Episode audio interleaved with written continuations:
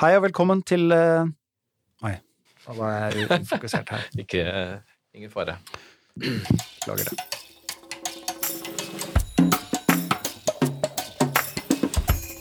Hei og velkommen til denne podkasten fra Oslo Economics. Mitt navn er Alexander Ruth, og med meg i studio så har jeg primus motor for podkastsatsingen vår.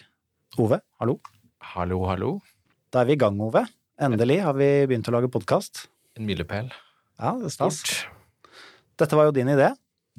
Ja, det var det. Eh, vi har jo Vi er begge to podkastlyttere, du og jeg, Aleksander. Mm. Eh, og så har vi sett at det fins et lite hull der ute.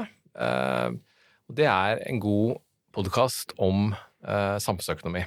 Men vi har jo gått noen runder med oss selv og tenkt trenger, trenger vi egentlig en ny podkast? Hva mm. syns du om det, Aleksander? Nei, vi gjør jo egentlig det, da. Vi har jo lett, som du sier, etter den, eh, den gode samfunnsøkonomipodkasten ikke funnet den. Så da bestemte vi oss for at eh, kanskje vi bare må gjøre det sjøl, da. Ja. Rett og slett. Oslo Economics eh, er jo der vi jobber begge to. Kan du si kort hvem vi er?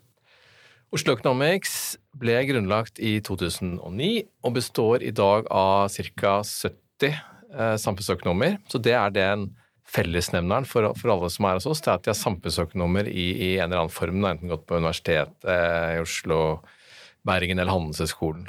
Mm. Hva er det vi driver med her, da? Ja, Det er veldig mye, mye forskjellig.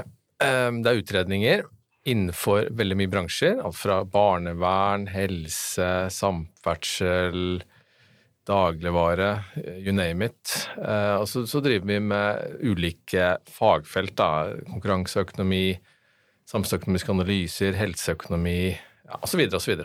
Mm. Og i denne podkasten har vi kanskje lyst til å løfte blikket enda litt mer og snakke om ikke bare detaljene i det vi jobber med, men litt sånn bredt.